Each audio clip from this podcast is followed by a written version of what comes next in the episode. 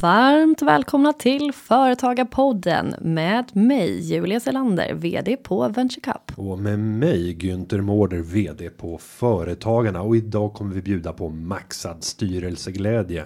Günther kommer bli inspirerad i ett industriområde i Västerås Vi har fight med facket. och vi har klaustrofobiskt kryp.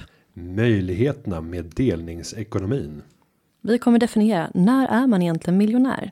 Och sist men inte minst, vi kommer få en unik inblick i en intervju med en avhoppad entreprenör.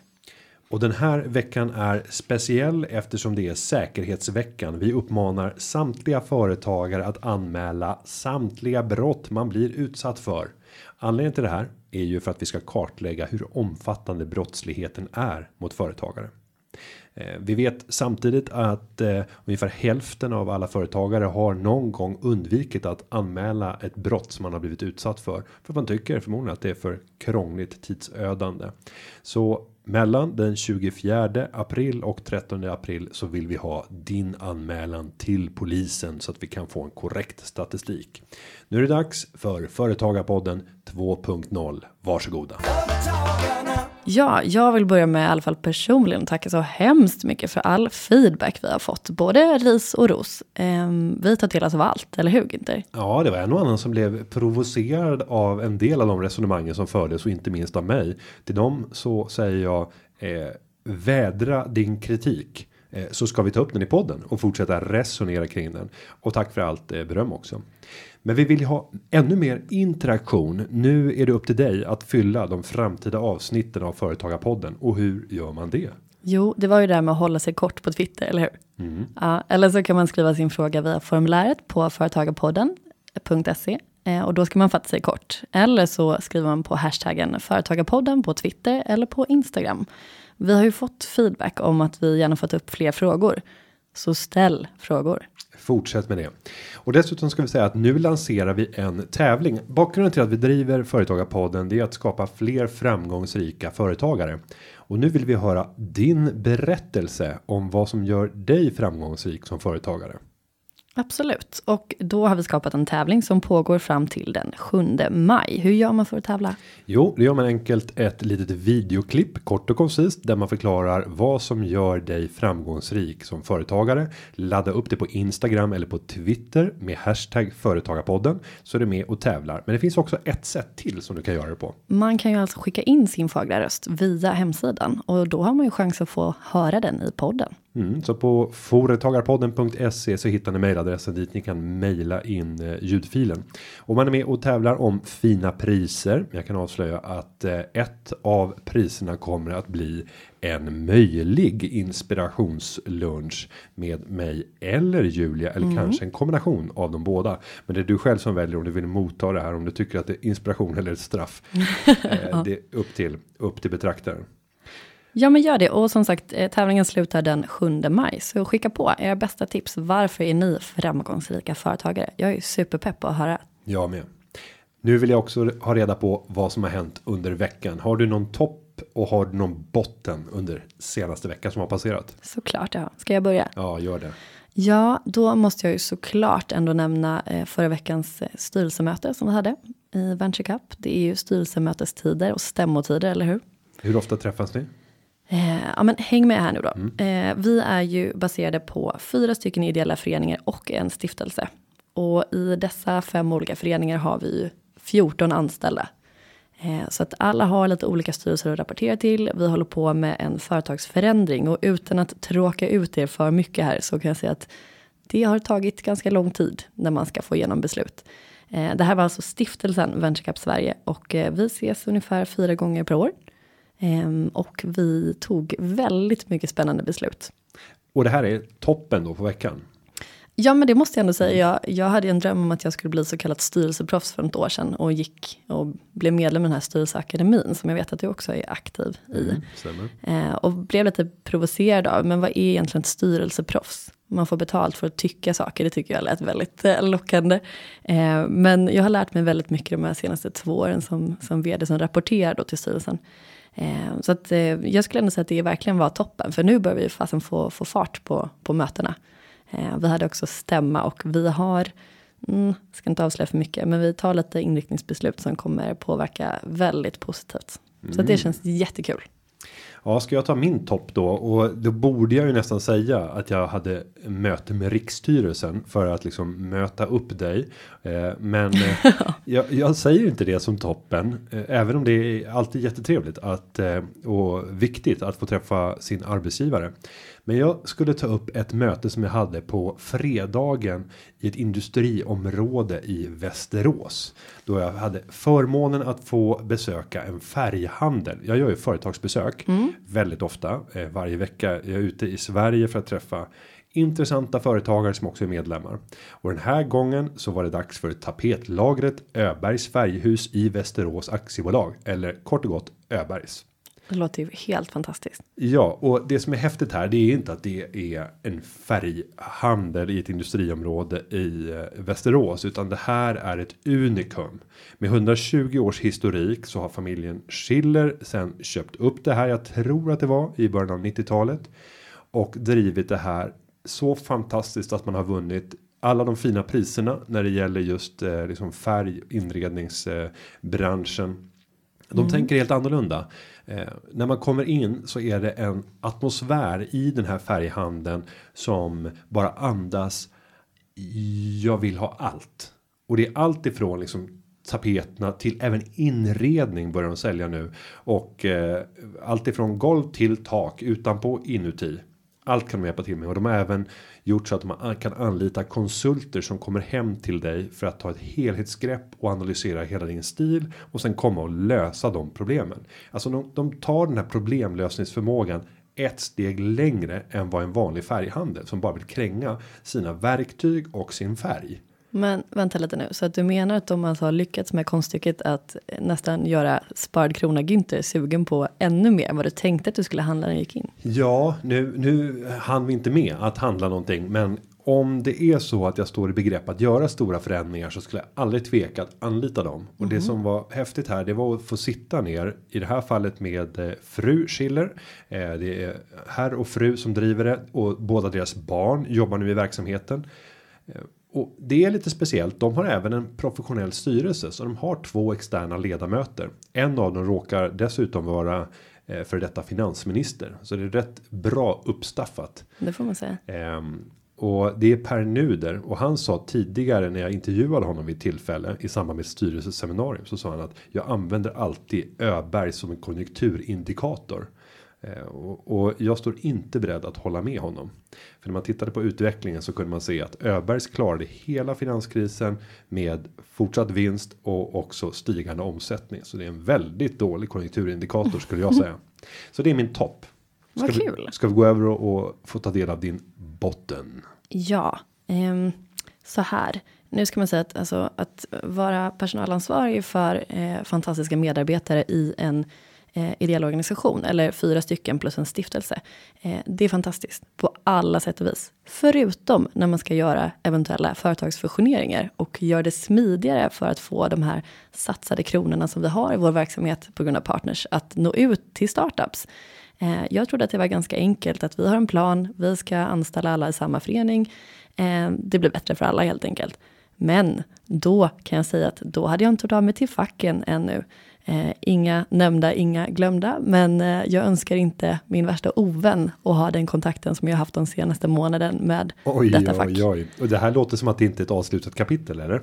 Det går så långsamt. Så vi, det här kommer alltså bli ett bärande tema nu för de kommande 52 avsnitten. Nej men så här, jag är, det kanske ni märkte i alla fall för, eh, förra veckan hoppas jag, eller det kommer ni märka. Jag vill att man ska göra rätt såklart. Man ska göra rätt för sig. Alla ska tycka att man är schysst, det ska vara bra villkor. Jag är absolut ingen monsterchef, hoppas jag. Mina kollegor får fylla i. Men det är ju helt omöjligt. Man får ju aldrig svar på någonting.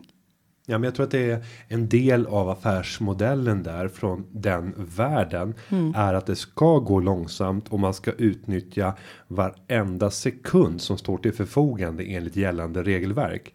För att ofta så handlar det om någon typ av uppsägning när man har att göra med med facket. Eh, det är ju sällan att det är en nyanställning. Det, det kan förekomma också i vissa Men fall. det är ju precis det som är mitt fall. Okej, Ja. De vill fördröja. Ja, ja, Nej, men, men, nu känner jag, nu ska jag faktiskt inte gå in och gröta för mycket. Man vet aldrig vem som lyssnar. Men jag kan försäkra, vi har rent mjöl i påsen. Vi gör det för att det ska bli bättre för alla, anställda och ingen kommer få det sämre, tvärtom.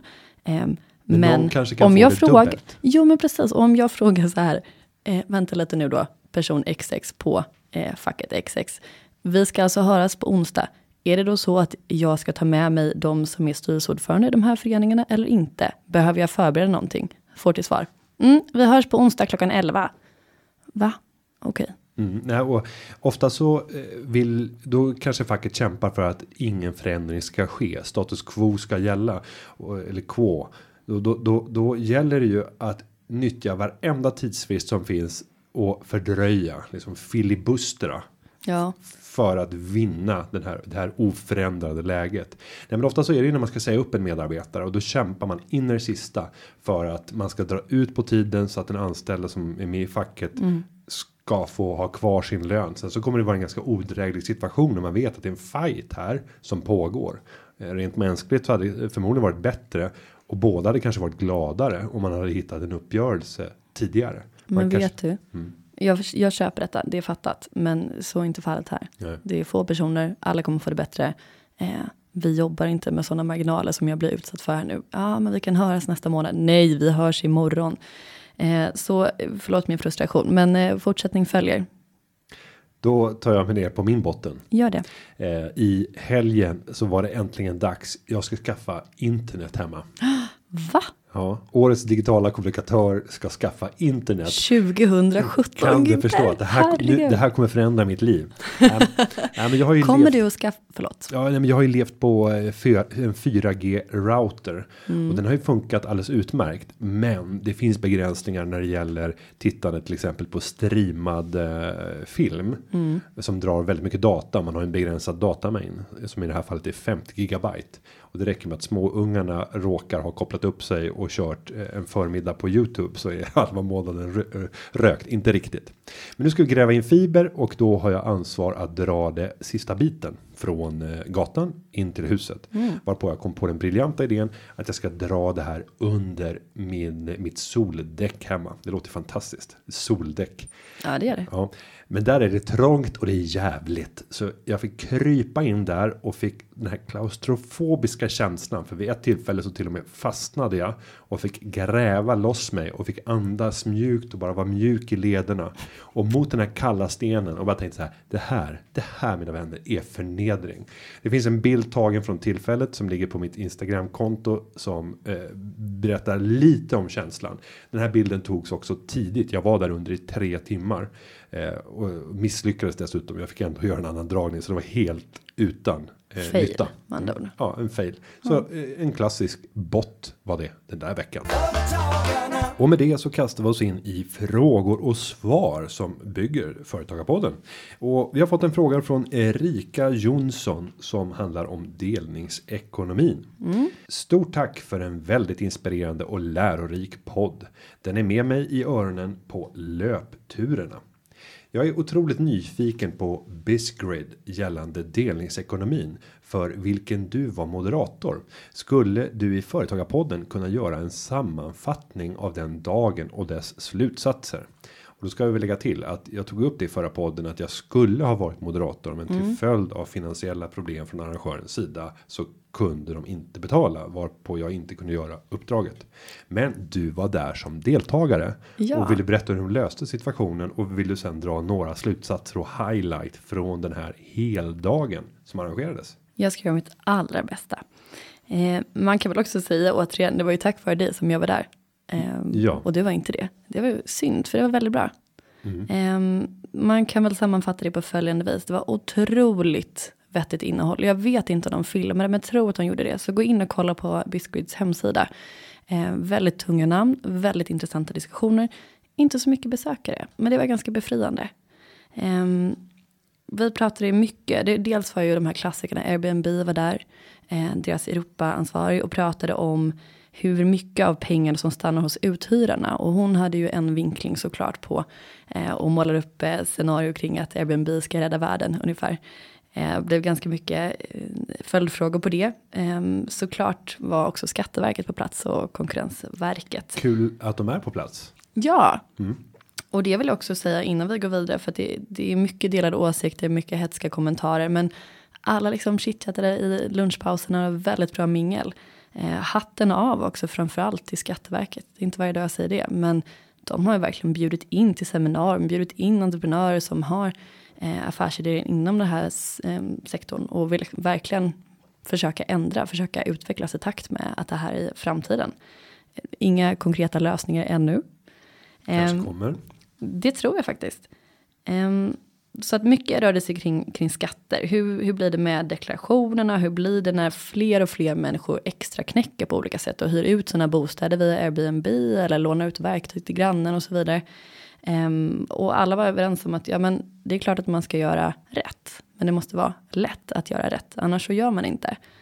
Um, och det som var utmaningen är också att för de här olika plattformarna så finns det olika regler i olika länder. Så att eh, det känns som att diskussionen just där för Skatteverket ebbade ut när vi började prata om okej, okay, men hur ser vi till att Airbnb kan liksom tillgodose alla regler och lagar via Sverige och sen alla, alla världar som de alla länder de finns där på samma gång. Um, och en slutsats som drogs var väl bland annat att för att börja diskutera sharing economy så måste man kanske gå ner till grunden i frågan. Vad är det som är pengar i det här eh, forumet? Vad är det vi menar med pengarna i sharing economy? Är det händer? Är det hjärna? Är det fasta resurser? Alltså pratar vi om bostäder så är det ju en fast resurs. Du kan ju inte hyra ut fler än de som du har helt enkelt. Eh, och att det finns olika regler för alla de här. Sen skulle jag också säga att personligen så blev jag väldigt intresserad av diskursen kring Sverige versus att köpa tjänster. Sverige Mm. versus. Exakt, att det Berätta. fortfarande finns.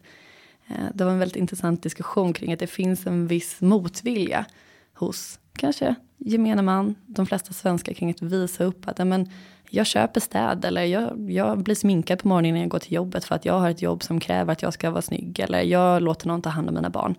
Utan mycket allmän uppfattning kring att bra karl reder sig själv. Och det kan jag väl känna igen i mycket av mina bekantskapskretsar och framförallt så här föräldrar och deras vänner. Att nej men om man har städhjälp hemma då berättar man inte så mycket om det för att det är, mm, vadå, kan du inte ens ta hand om din egen smutstvätt? Eh, och då var ju såklart de företagen som var där, de eh, startupsen av en annan åsikt och menade att om vi ska kunna få igång ekonomin och få in eh, fler jobb, alltså fler integrationsjobb, fler så kallade enkla jobb. Vi pratar mycket om fabriksjobb och ta tillbaka dem. Eh, när de ersätts så kanske man istället ska hitta sätt att eh, jobba lättare på att man då behöver köpa fler tjänster. Köp grejer.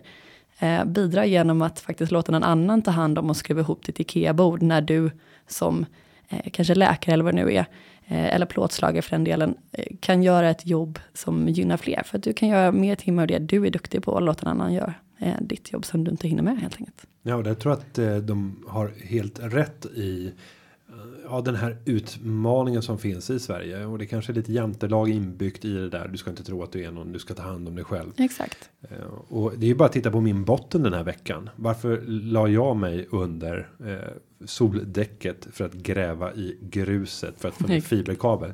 Det är för att jag är en snål jävel såklart. Såklart. Men någonstans går ju gränsen. Problemet för mig det är ju att jag måste betala 300 till 350 kronor för att hitta en person idag som kan utföra den tjänsten och nu pratar vi per timme. Det blir ohyggligt mycket pengar eh, och ska de överhuvudtaget ta sig ut. För du måste ha även ha kostnaden för att ta sig till. Det är ju inte att det, du kan börja omedelbart utan det handlar förmodligen om 4-5 timmar överhuvudtaget och sen har du sökkostnader för att hitta dem där. Så blir det ohyggligt högt och mycket har ju med skatterna att göra.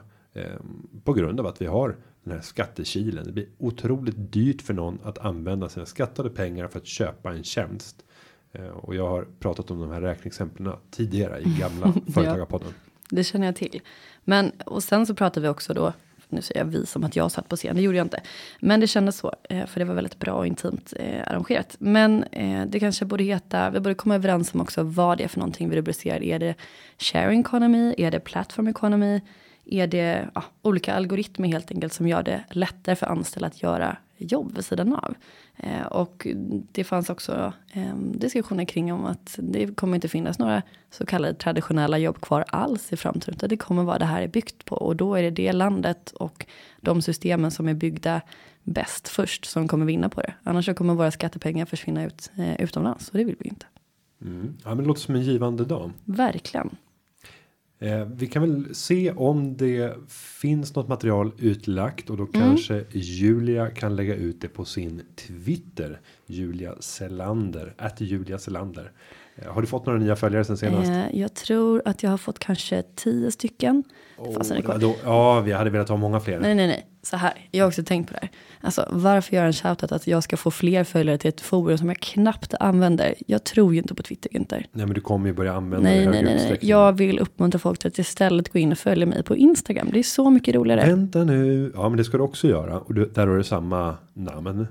Nej, det har du inte. Du har ett annat namn där. Alltså, jag heter ju Julia, men jag är ju hjulet för de flesta. Så att hjulets land. Jag tror att det är det jag heter på Twitter också. Nej, där heter du Julia Selander. Jag älskar att du ger mig lektioner i det här med sociala medier. Men då vill jag säga så här, hur går det själv med din Snapchat, Günther? Jo, det går bra. Jag körde en snap förra veckan. Gjorde jag inte det? Det var en väldigt bra snap. Ja, det var verkligen. Eh, Du har 140 följare. Förra veckan hade du 94 om inte jag hade fel. Jag hade ett mål på 50. Eh, ser att vi nästan är på mål. Så att det har inte gått riktigt gått en vecka när vi spelar in det här. Ska också tilläggas. Tack kära Så lyssnare. eh, Ni är ja. med i denna kamp för att eh, få fler följare till en plattform där jag är motvilligt inställd till att uppdatera roliga saker. Så att, Mm. tips, gå in på Instagram. Do it också. Eh, Erika, Ja. Erika slutar inte sin fråga där utan hon fortsätter ju faktiskt. Ska du fortsätta att ta den avslutande delen av frågan? Ja, precis. Man kan ju också göra så när man går in och ställer sina frågor att man kan rikta dem till antingen mig eller Günther såklart. Det måste ju inte vara till båda två. Eh, och hon skriver vidare så här, Erika. Ehm, jag är också nyfiken på din syn, Günther alltså. Hur ser du på branschen, alltså del, delningsekonomin? Ja, hur jag ser på det. Det är en väldigt bred fråga. Nej, men det är en, en naturlig utveckling av digitaliseringen och jag gillar det där plattformsekonomi snarare för att väldigt sällan så när vi pratar delningsekonomi så handlar det faktiskt om att vi delar på en tillgång. Eh, det, det är så i vissa fall, men inte alla. Så att plattformsekonomi tror jag vi ska prata om. Sen så har jag en idé kring alla de här problemen som finns idag när det gäller beskattningen. Det finns en enkel lösning som man skulle kunna tillämpa. Och det här är en så pass stor och intressant sak så jag tror att vi skulle kunna återkomma och göra ett specialavsnitt om det och även utsätta de som har makten att förändra. Att utsätta dem för det här förslaget för att se vad i det är det som gör att det inte redan har infört det. Ja, men det tycker jag låter superspännande. För att en inflik där är att vissa av de politiska partierna var ju där. Inte alla. Det vore väldigt intressant att ha folk som kanske tycker lite olika. Eh, och ge sin syn på det. Och speciellt då när du lämnar cliffhangern här. Att du har en lösning på hela problemet. Jag ska pitcha lösningen lite snabbt. Sen kan jag fördjupa den vid ett annat tillfälle. Men tänk dig så här. När vi föds så får vi ett personnummer. Låt oss säga att eh, om vi är rädda för att personnumret blir för eh, personligt och att det blir för mycket att vi kan kartlägga dig. Komplettera dem med ytterligare ett nummer. Det numret som du har är ditt bolagsnummer. Så du har ett bolag redan från födseln. Det här bolaget som du har med födseln. Den, eh, det bolaget kan du bara fakturera och utförda uppdrag eh, ifrån för att få motsvarande lön. Så att om du gör ett, ett uppdrag hos grannen, du hjälper till att byta däck på bilen och ni kommer överens om att du får 300 kronor för det här. Då får din granne gå in på sitt bolag och det gör man på verksamt.se. Det här finns ju inte idag då.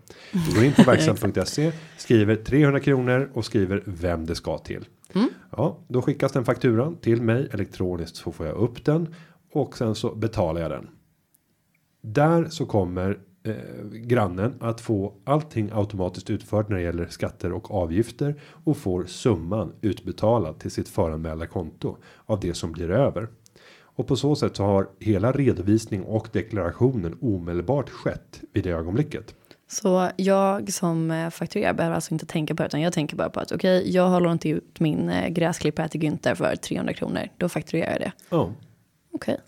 Och fördelen med en sån här modell, det är ju att eh, det skulle skapa en enorm enkelhet. Vi skulle kunna faktiskt börja på ett seriöst sätt göra små uppdrag och faktiskt på riktigt föra in en stor del av den svarta ekonomin in i den vita. Om du ska bort en en kväll och eh, ska ha barnpassning. Och sen så ska du ha en tillfällig person som ska hjälpa till vid ett tillfälle. Att då registrera för arbets, att, att vara arbetsgivare och sen betala in det på ett korrekt sätt. Det är ganska mycket meck för en kväll. Så det finns inte en suck om det är ett tillfälligt uppdrag. Att du överhuvudtaget skulle göra det här vitt. Det finns inte. Om det är en kväll och det ska betalas ut 400 kronor eller 700 kronor. Eh, men om det hade funnits en sån här plattform eller om det fanns en sån där bolag hos varje människa så skulle det helt plötsligt vara praktiskt enkelt att göra det här. Dessutom så har jag ytterligare en pitch på den här och det är låt verksamt.se ha ett öppet API när det gäller den här bolagskonstruktionen där alla personer har sitt eget bolag. Vilket gör att tjänster som Uber, där det var mycket kritik eh, när de körde Uber Pop, att de inte redovisade. Förarna redovisade inte på ett korrekt sätt. Nej, men kräv i appen. Ska man släppa en plattform så måste den vara kopplad till de här bolagen som varje svensk eller varje person med ett samordningsnummer har. Och sen så sker alla utbetalningar därifrån. Vill man ha avdragsrätt? Ja, då får du starta ett riktigt bolag så att du kan kvitta mot kostnader. Det här är ett enkelt bolag som bara kan användas för att fakturera någonting som liknar lön för tillfälliga uppdrag. Det är inte ett bolag för att kunna eh, bygga upp och ta kostnader för inkomsternas förvärvande. Du, det här är inte så tokigt Günther. Nej, och det här tänker jag mig någon gång här framöver så börjar vi rita upp vilka är personerna som skulle kunna besvara frågan varför finns det här inte idag och vad ska vi göra för att införa det framåt? Och jag vill höra alla de här experterna som vill såga sönder det här jäms med fotknölarna för att höra vad är enligt dem problemet med det. Och jag ser en part som vi redan har pratat om som kommer se jättestora problem med det här. Säkert. Jag tänker också att eh, våra lyssnare får gärna tips om vem de tycker att vi ska utsätta för frågeställningen och grilla. Och vem har vem var det jag tänkte på eller vilken? Ja, det kan du få svara på själv Günther. Jag tänker naturligtvis på facket. Ja. Och eh, i det här läget så är det uppenbart att det finns risker med en sån här struktur att vi får ett arbetarproletariat som lever i någon form av uppdragsekonomi och som utför mängder av små uppdrag via digitala matchningsplattformar och har hela sin försörjning utan att på något sätt kunna få eh, så att säga det fackliga stödet för att allting hänger ju på prissättningen i de här plattformarna. Ja, men där tänker jag också att det är klart att man kan eh, rygga tillbaka vid första anblick av ett sånt här förslag. Och visst, det finns risker med det. Nu säger jag inte att jag ställer mig helhjärtat bakom det, men jag gillar vad jag hör. Eh, jag tror att vi skulle se otroligt många fler företag. För en följdfråga är ju, hade de här personerna då eh, titulerat sig som företagare så hade vi ju kunnat räkna upp företagarstatistiken i Sverige något enormt. Eh, Men jag tänker också att det som behöver hända är ju att vi behöver ju komma ikapp även med ja, bankregler och huruvida man får ta lån eller inte, om man är fast anställd eller inte. Alltså, sådana saker behöver vi också titta närmare på framöver för att vi ska kunna få till det här för att folk ska känna sig trygga i att faktiskt eh, göra fler tjänster åt folk. Och Erika fortsätter även sin fråga efter Ja. det och säger anledningen till mitt intresse är att jag har en idé som jag tror stenhårt på, men som är helt i sin linda och jag skulle vilja höra dig resonera som kunde och insatt eh, om det är läge att ge sig in. Är förutsättningarna för osäkra för att ge sig in i denna bransch? Hypotetiskt, hur skulle du själv ställa dig som potentiell investerare till en bra affärsidé inom denna bransch? Och vi riktar den till till båda så får vi se om om om vi kan besvara. Nu är det ju väldigt allmänt hållet, men vad tänker du? Ja, jag tänker ju spontant att alltså en bra affärsidé och en bra entreprenör bakom, då ska man inte säga nej till något område vad det än är. Ehm, dels på grund av att jag var på plats på den här otroligt eh, värdefulla dagen där det var mycket, mycket bra branschfolk och man fick höra deras syn väldigt ärligt och öppet. Det här kommer eh, alla företag och eh, statliga bolag, så alla behöver ta ställning till det här, vilket gör att vi pressar på efterfrågan. Det kommer att utvecklas, det kommer att bli stabilt. Så att jag skulle säga, har man en idé som man tror stenhårt på, klart att du måste testa den. Och jag skulle svara med att eh, säga fram i affärsplanen. Visa från första dagen hur du kan tjäna pengar. Jag blir lite allergisk på alla de som kommer och säger att men det här är, är purpose, uh, purpose driven. Eh, och sen så säger man att det viktigaste det är att nu driva tillväxt för att sen kommer att pengarna att komma när vi är den dominanta plattformen. Det är faktiskt väldigt många rätt stora företag som fortfarande inte har visat att pengarna kan komma. Ett av dem är ju Spotify. Absolut. Eh, nu pratar vi kanske inte delningsekonomi och man skulle kunna kvala in om man delar på en gemensam musikplattform och ett gemensamt musikbibliotek genom strömmad musik. Så det skulle kunna vara en delningstjänst. Men det är det här som jag tycker är lite konstigt. Det blir plattformsekonomi någonstans. Nej, så jag skulle vilja säga fram med affärsmodellen. Börja i affärsmodellen. Visa även med försiktiga antaganden att det går att få en lönsamhet i det här. Visa när man kommer att kunna se om det bär sig eller inte. Visa vad kostnaderna blir om projektet fallerar. Så att man som investerare har en, en bra uppfattning om eh, hur lång tid jag kan utvärdera det här på och när kommer jag få svaret på om det här har svarat eller inte. Ja men helt enkelt rimliga antaganden för en helt vanlig affärsidé. Sånt som du behöver visa upp. Det är Ja. inget undantag att det är en, en så kallad ny bransch. Det är kanske ett annat sätt att visa på hur man får intresse från kunder. Att du kan ha en miljon användare men de behöver inte betala för det. Är en utmaning men det går ju att lösa. Du eh, angående att investera i sådana här typer av idéer då. Vad hade du sagt? Eh, Generellt sett så om det finns ett bra business case underliggande. Absolut. Mm. Jag skulle vara positiv till det. Sen är jag alltid mycket mer. Ska säga, så att säga jag är rimlighetslagd. Så att jag vill ju ha rimliga kalkyler. Jag vill ha rimliga förutsättningar och ofta så bygger såna här företag på att det ska bli en ganska orimlig utveckling. Vissa av dem lyckas med det, men sannolikheten är rätt låg och därför så skulle jag säga generellt så är jag skeptisk. Jag investerar hellre i ett senare skede när företaget faktiskt tjänar pengar, även om jag får, får eh, betala 50 gånger högre pris för bolaget. Men att potentialen redan har visat att det funkar.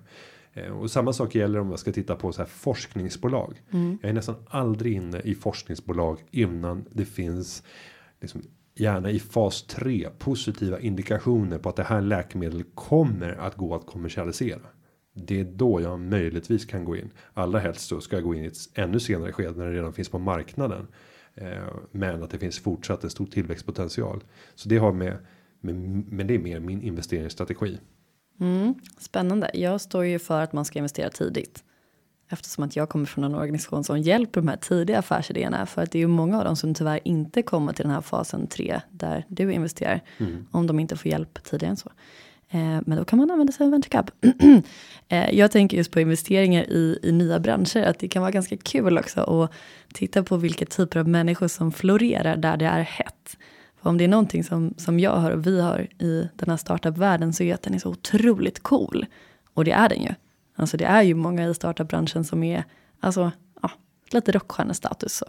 Eh, det lockar ju till sig en del wannabes.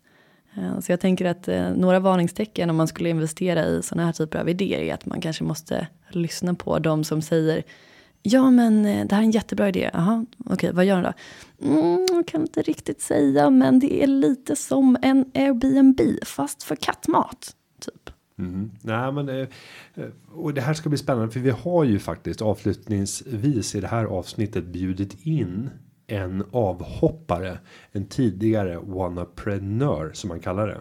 En wannapreneur. Wannaprenör. Mm, alltså en wannabe-entreprenör. Ja, för det är väl det man skulle kalla en sån här person som oftast pratar utan att det finns någonting. Det kan på pappret finnas ett bolag startat, men i själva verket så är det mer snack än verkstad. Fast jag känner ju spontant att jag går igång på det här. Jag är ju en lite, alltså, FOMO YOLO person, fake it till you make it. Så att det ska bli superspännande tycker jag. Ja, vi- sitt kvar eller sitt kvar. Ni är förmodligen ute och går med barnvagnen eller ute och springer eller ligger i sängen oavsett vad ni gör.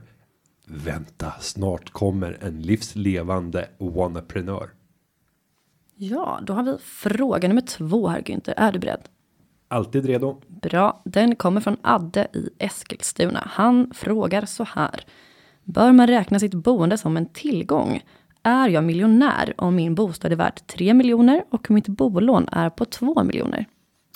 Ja, rent tekniskt så ska man säga att Adde är miljonär. Men sen är frågan, vad spelar det för roll? att man är miljonär. Det beror ju på vad man vill använda begreppet till. Det kommer ju varken hjälpa eller skälpa dig.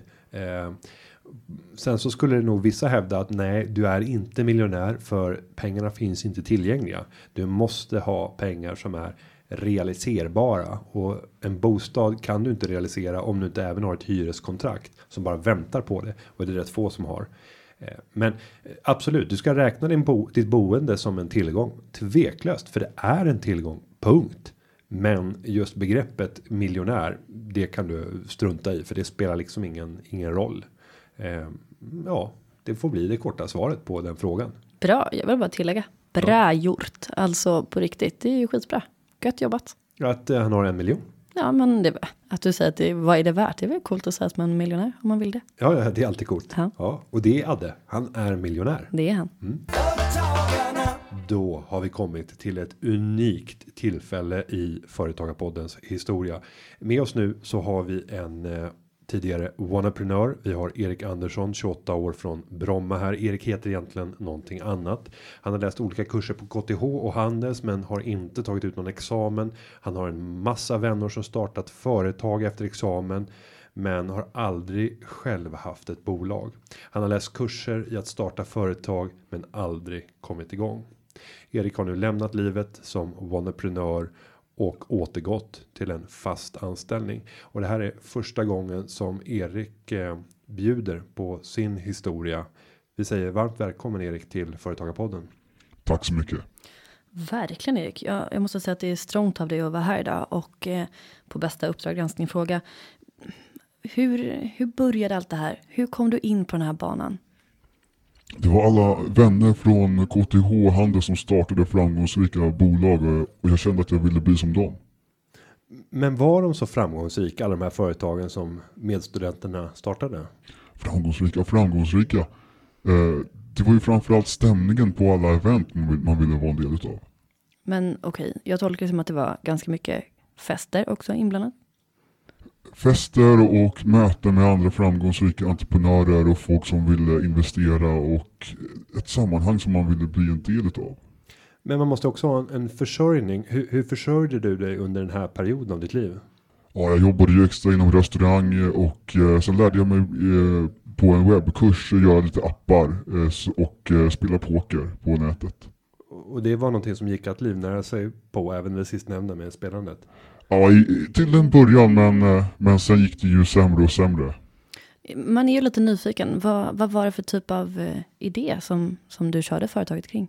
Ja, det var lite olika idéer. Eh, först hade jag en idé om en app som skulle samla app, andra appar i en topplista. Men, men det gick inte så bra med den, så sen bytte vi idé och ja, det var, det var ganska många olika faktiskt. Och hur skulle du säga att man kan känna igen en wannaprenör och skilja dem från entreprenören? Och det som kännetecknade mig var väl att jag aldrig hade någon riktigt produkt att dema. Det fanns liksom mest idéer och, och lite kontakter eh, och projekt men, men liksom, jag hade alldeles svårt att komma till skott.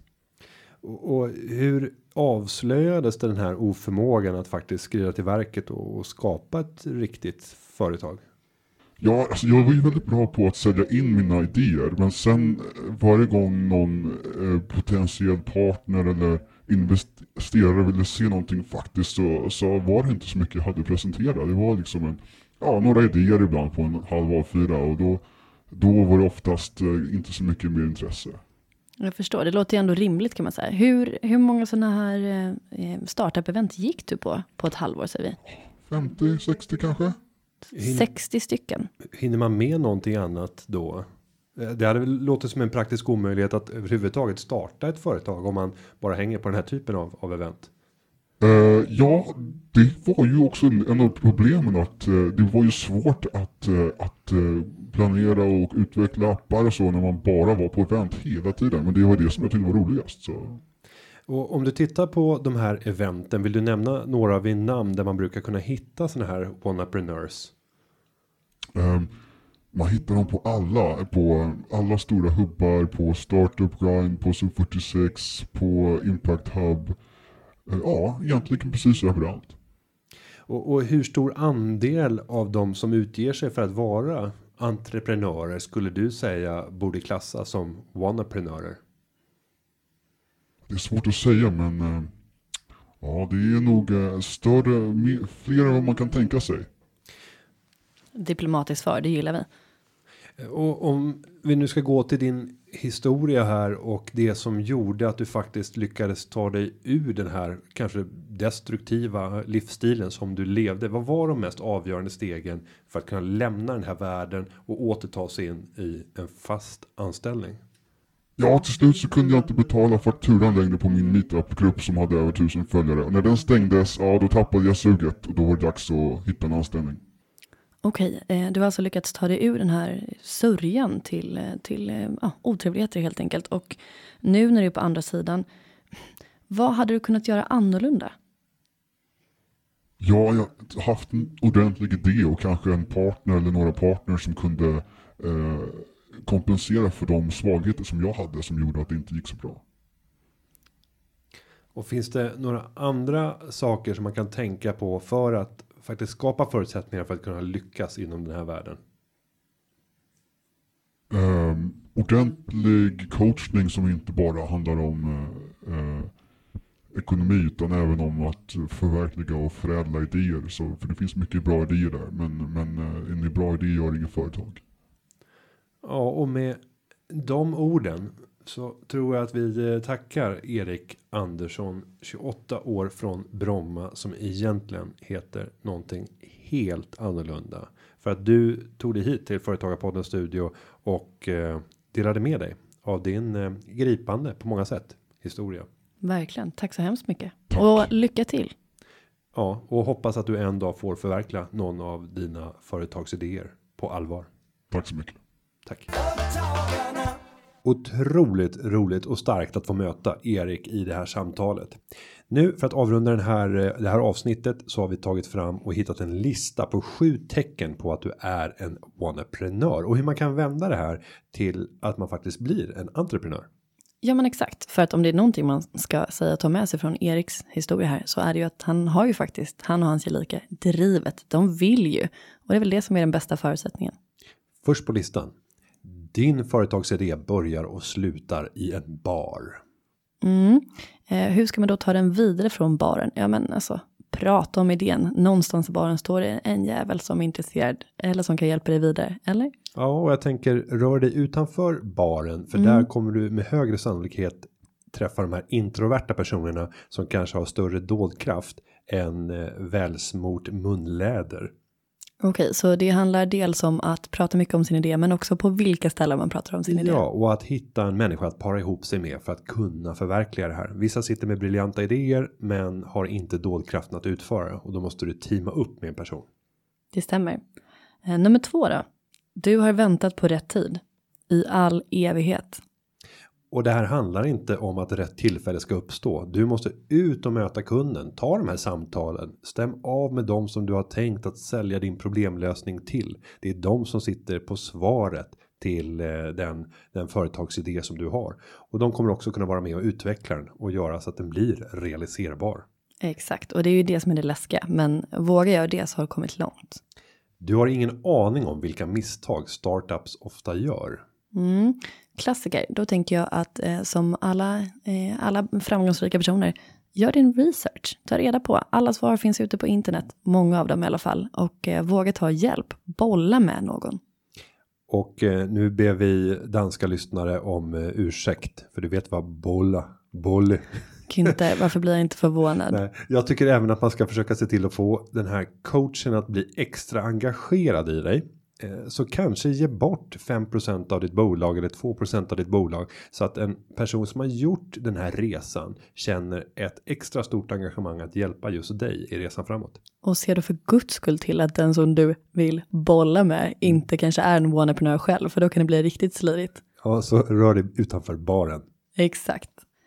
Okej, sen har vi nästa och då är det nummer fyra. Du tror att pengar är allt som behövs för att starta och driva ett företag. Ja, pengar behövs, men det är sällan den bärande kraften bakom ett företags framgång. Eh, pengar kommer att finnas om idén är tillräckligt bra. Då kommer investerare att flockas kring dig så fort du kan uppvisa den ekonomiska potentialen i det. Jag tror också att framgångsrika personer i grunden är sparsamma i tidiga uppstartsskeden. Det är väldigt få som har lyckats framgångsrikt med sitt företag genom att inledningsvis vara extremt slösaktiga och det där borde även gälla privat. Så det borde finnas lite pengar att satsa på företaget. Mm. Jag håller med. Du är exalterad över att du använder taggen entreprenör i sociala medier. Åh, så härligt ju. Jag känner igen mig. Skämt åsido. Nej, men kanske lite mer. Lägg den tiden på att faktiskt göra någonting istället. Sen kan du hashtagga till höger och vänster, både företagarpodden och entreprenör och allt vad du vill. Men eh, ha någonting som svar på de här minglarna. Vad är det du gör? Vad är det du har att dema? Det är mitt tips. Ehm, nummer sex. Du tror att de flesta lyckade entreprenörer har haft tur. Ja, och många entreprenörer har haft en väldigt tur med tajmingen för sitt projekt. Men de hade aldrig varit där de är om det inte hade varit för att det var en riktigt bra affärsidé och att man hittade den kommersiella potentialen och lyckades attrahera kapital, hittade kunderna. Ja, men kanske också att det ligger ganska mycket hårt slit bakom. Det är inte bara så att du vaknar upp en dag, skriker evreka och sen så blir du miljonär.